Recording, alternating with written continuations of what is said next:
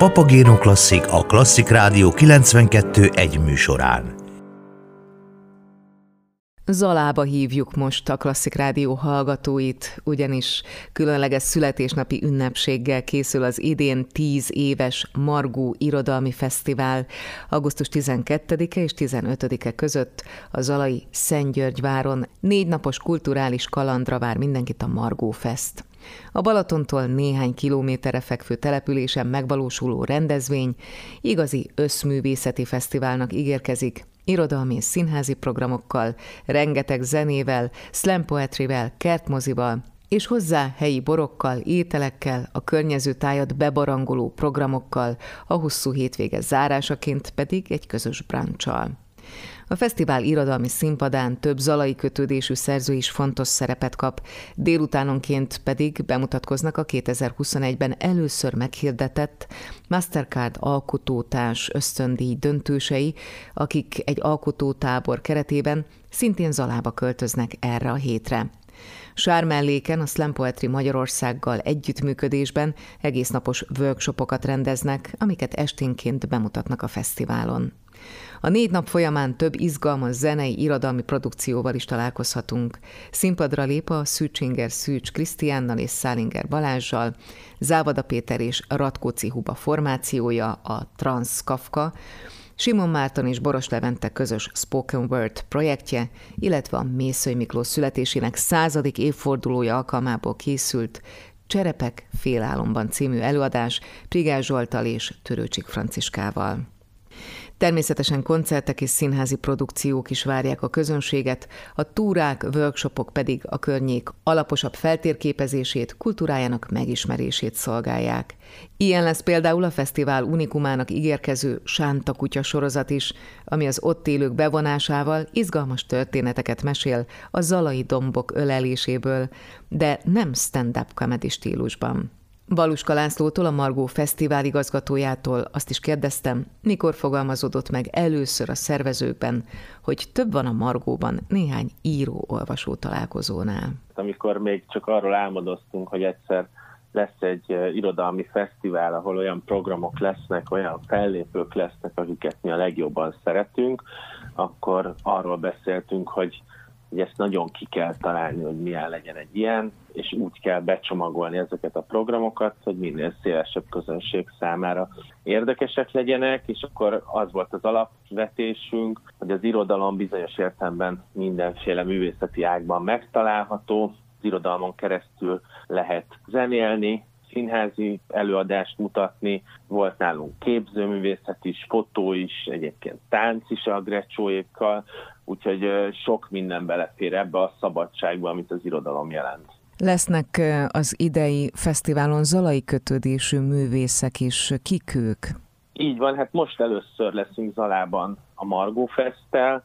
Nagyon szerettük volna ezt a fesztivált úgy kitalálni, hogy minél többféle zalai kulturális kötődést meg tudjunk mutatni. Ennek van egy hagyományos része, tehát maguk a fellépők, Szálinger Balázs, innen Szentgyörgyváról pár percre van egyébként Bödöcs Tibor és Bucsú Szent László, egy kicsit többet autózva ott van Nádas Péter Gombos Szegen, Hévíz folyóirat ugye Keszthelyenről szerkesztődik, illetve megpróbáltunk olyan embereket meghívni egy másik program együttesben, akik meg a Zalai régióban játszanak olyan fontos szerepet, hogy például kulturális szervezők éttermet vezetnek, sajtot készítenek, kulturális intézményt csináltak, tehát olyan tudásuk van Zaláról, ami előre viszi a régiót, mi meg ezt szeretnénk megismerni. Egy kicsit úgy kell ezt elképzelni, hogy a Margó, ami ugye tíz éve Budapesten működik, az bekopogtat Zalába, és a vendéglátóinkkal együtt kitalálunk egy olyan fesztivált, amilyet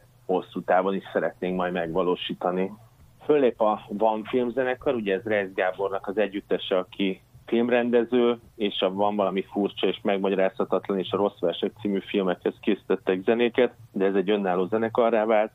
Az Anima Sound System a 20 éves Gypsy Sound Clash albumával fog eljönni, fellépnek a Lázár testvérek, Egyedi Péter, Bobek, lesz egy rapperünk is, ő Gege, egyébként uh, slam poetry workshop és tábor is lesz, ami azt jelenti, hogy napközben különböző workshopok és fejlesztések vannak, és este meg az egyik színpadon a résztvevők megmutathatják, hogy mire jutottak napközben. És ha már szóba jött az alkotótábor, 2021-ben először hirdettétek meg a Mastercard alkotótárs ösztöndíjat, ennek a döntősei is itt lesznek majd Zalában.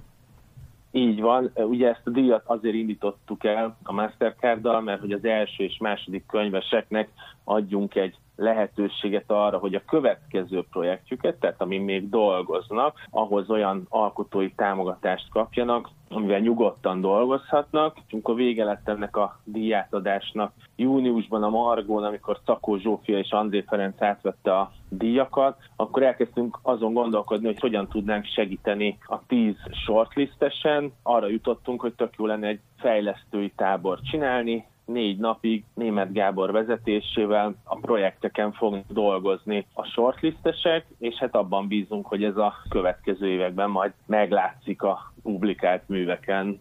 Kik lesznek azok az írók, költők, akik mindenképpen ott lesznek augusztus 12 és 15 között Szentgyörgyváron?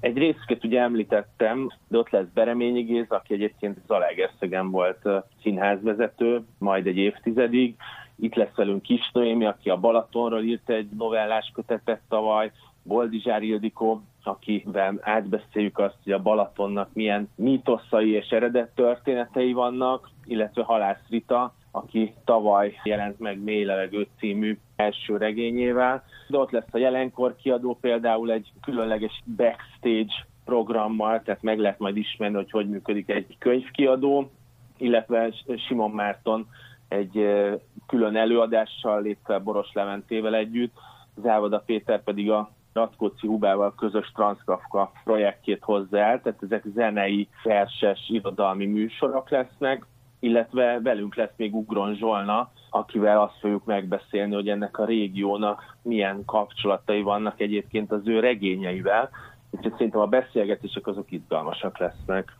Említsük meg még a formabontó színházi előadásokat, hiszen nagyon sokféle irányzatból választhatunk majd.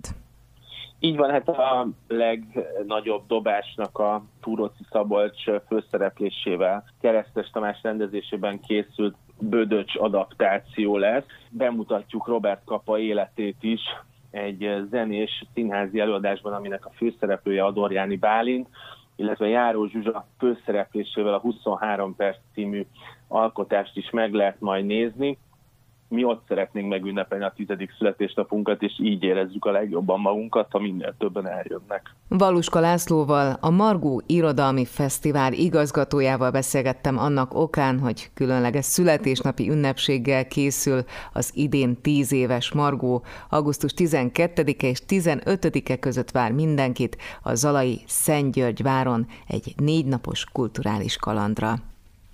Kedves hallgatóink, 35. alkalommal rendezik meg az ország legnagyobb népművészeti fesztiválját, a Mesterségek ünnepét.